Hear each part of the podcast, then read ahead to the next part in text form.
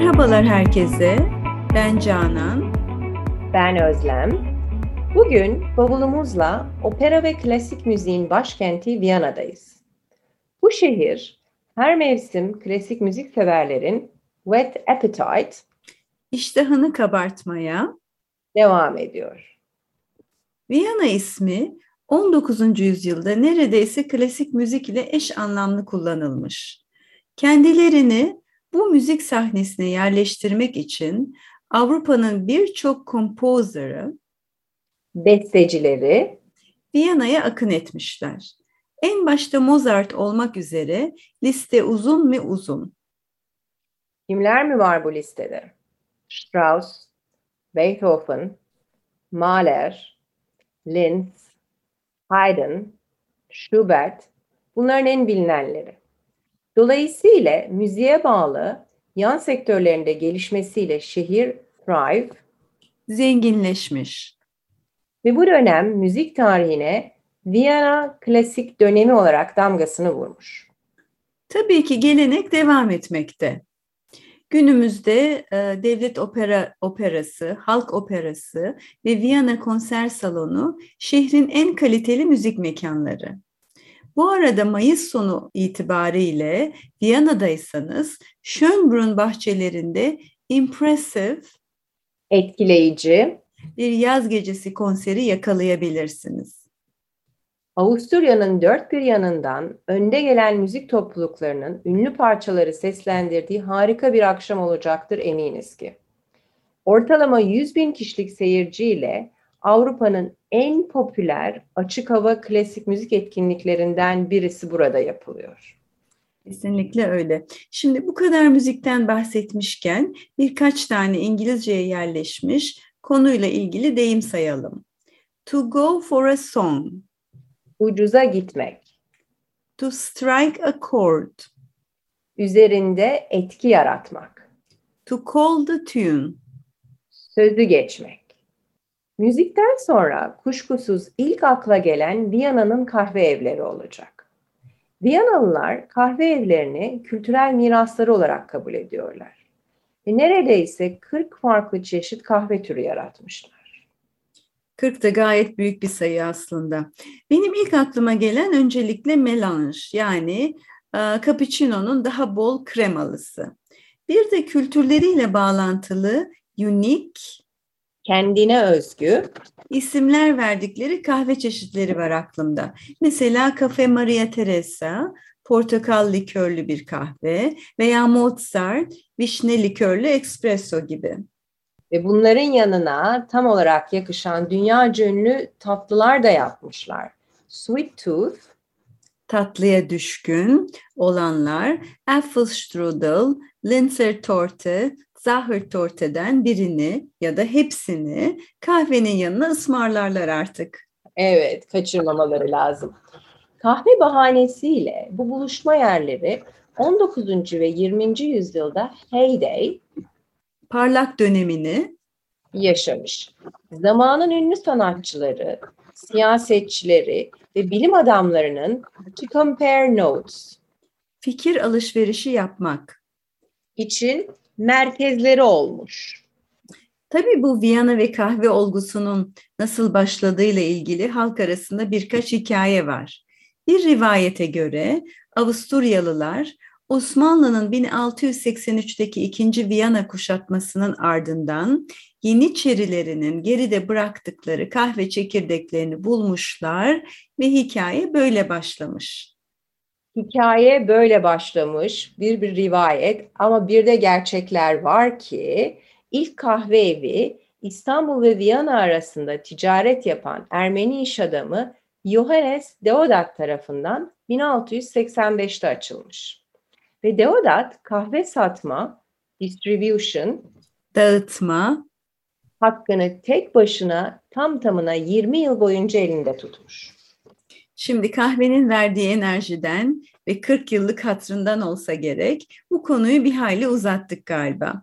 Şimdi enerji deyince aklıma Viyana'nın kendine özgü ve ziyaret edilmesi gereken İspanyol Binicilik Okulu geldi. Okulun başlangıcı 1560'lara dayanıyor ve özel Lipizzaner atlarının yetiştirilmesi ve tanıtılması amacı ile established. Kurulmuş. Burası aynı zamanda Avusturya'nın eğlence merkezlerinden birisi. Okulun önde gelen atları ve binicileri periyodik olarak dünya çapında turlar ve performanslar sergiliyorlar. Madem binicilikten bahsetmeye başladık, atlarla ilgili iki tane de deyim verelim diyorum ben Canan. Ne verelim bakalım. Başlıyorum. To lock the stable door after the horse has bolted. İş işten geçtikten sonra önlem almak. Straight from the horse's mouth. Bir bilgiyi en yetkili ağızdan öğrenmek. Şimdi Viyana'ya gelmişken mutlaka göreceksiniz. Ee, biraz da İspanyol Binicilik Okulu'nun içinde yer aldığı Hofburg Sarayı'ndan bahsedelim. 13. yüzyılda Habsburg Hanedanlığı için kışlık saray olarak yapılan bina aslında adeta şehir içinde bir şehir gibi. Kesinlikle tam anlamıyla şehir içinde bir şehir Hofburg Sarayı tam 240 dönüm arazi üzerine kurulu 2600 odalı bir saray kompleksi burası. 18 ayrı binada müzeler, kiliseler, kongre merkezi olduğu gibi günümüzde de Avusturya Başbakanı'nın resmi oturma ve çalışma adresi. Sarayda oturan her imparator kendinden to leave a legacy sonraki nesillere ismini bırakmak adına yeni eklemeler yapmış. Ve gayet enteresan olarak bu sarayda karşınıza gotik, rönesans, barok, rokoka ve neoklasik dönemlere ait binalar çıkacak. Bu çeşitlilik mimari uyumdan hiçbir ödün verilmeden yaratılmış. Ve hakikaten çok uyumlu olmuş hepsi birbiriyle. Artık tekrar şehir gezimize devam ediyoruz. Viyana'nın müze bölgesi gerçekten sizi çok etkileyecek. By the way, bu arada bölge sanat müzelerinin yanında 60 kültürel tesisi de barındırıyor. Mimarlık, moda ve tasarım konularını içerdiğinden dolayı hayli etkileyici. Örneğin e, Albertina Müzesi var. 65 bin 65 bin çizim ile dünyanın en büyük ve önemli basım evlerinden biri. Bir de içinde yaklaşık 1 milyon eski usta basıma sahip. Müzenin koleksiyonundaki modern grafik işleri, fotoğraflar, mimari çizimler de cabası. Gayet zengin e, bir müzeden bahsediyoruz. Öyle kesinlikle. Müzelerden bahsetmişken eşine çok az rastlanır Hundertwasser evleri ve müzesine değinmeden geçmemeliyiz. Ziyaret edilmesi gereken yerlerden birisi. 53 daireden oluşuyor. 1980'lerde inşa edilmiş. Rengarenk cephesi ve yamuk pencereleriyle mutlaka çekecek Hundertwasser. Hiçbir düz çizgi kullanılmamış. Merdivenler bile eğri büğür. Hatta merdivenlerin bir bölümü çalıları ve bitki örtüsüyle adeta bir patika şeklinde. Çatı ve e, çatı katı ve balkonlarında tam 900 ton toprak kullanılmış ve yaklaşık 250 adet ağaç dikilmiş. Bu masaldan çıkmış görüntüsüyle burası Viyana'nın ilk yeşil müzesi. Kurucusu Hundertwasser, bizim yüzyılımızın tartışmasız ekolojik vizyoneri, beyond his time, zamanının ötesinde kendi felsefi ve yaratıcı prensiplerini bu bina ile hayata geçirmiş. Doğa ile ahenkli yaşama fikirlerini kendi yaşamında da birebir uygulayan Hundertwasser, hayatı boyunca thinking outside the box, kalıpların dışında düşünmüş. Normandiya, Venedik ve Yeni Zelanda'da 100 binden fazla ağaç dikmiş, su arıtma kanalları yaratmış, güneş ve su enerjisi kullanmış.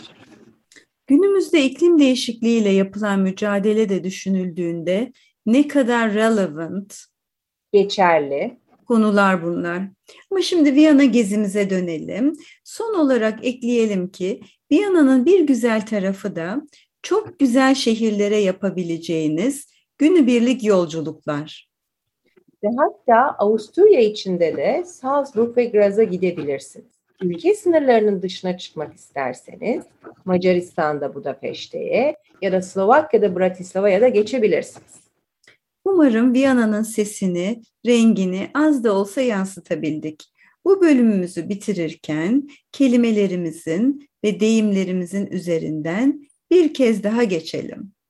Geç.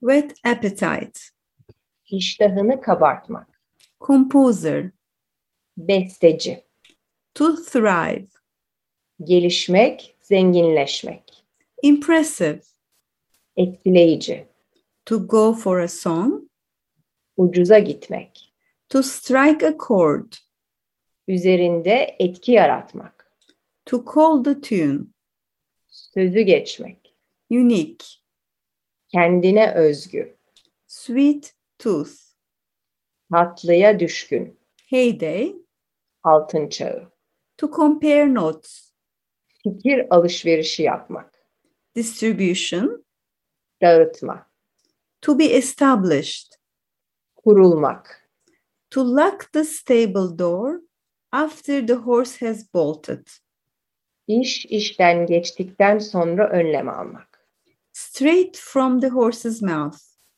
bir bilgiyi en yetkili ağızdan öğrenmek, to leave a legacy. sonraki nesillere ismini bırakmak. By the way, Bu arada beyond one's time, zamanının ötesinde, to think outside the box, kalıpların dışında düşünmek, relevant. geçerli. Evet, günümüzü böyle sonlandırıyoruz. Hepinize hoşça kalın, sevgiyle kalın diyoruz. Hoşça kalın, sevgiyle, güzelliklerle kalın.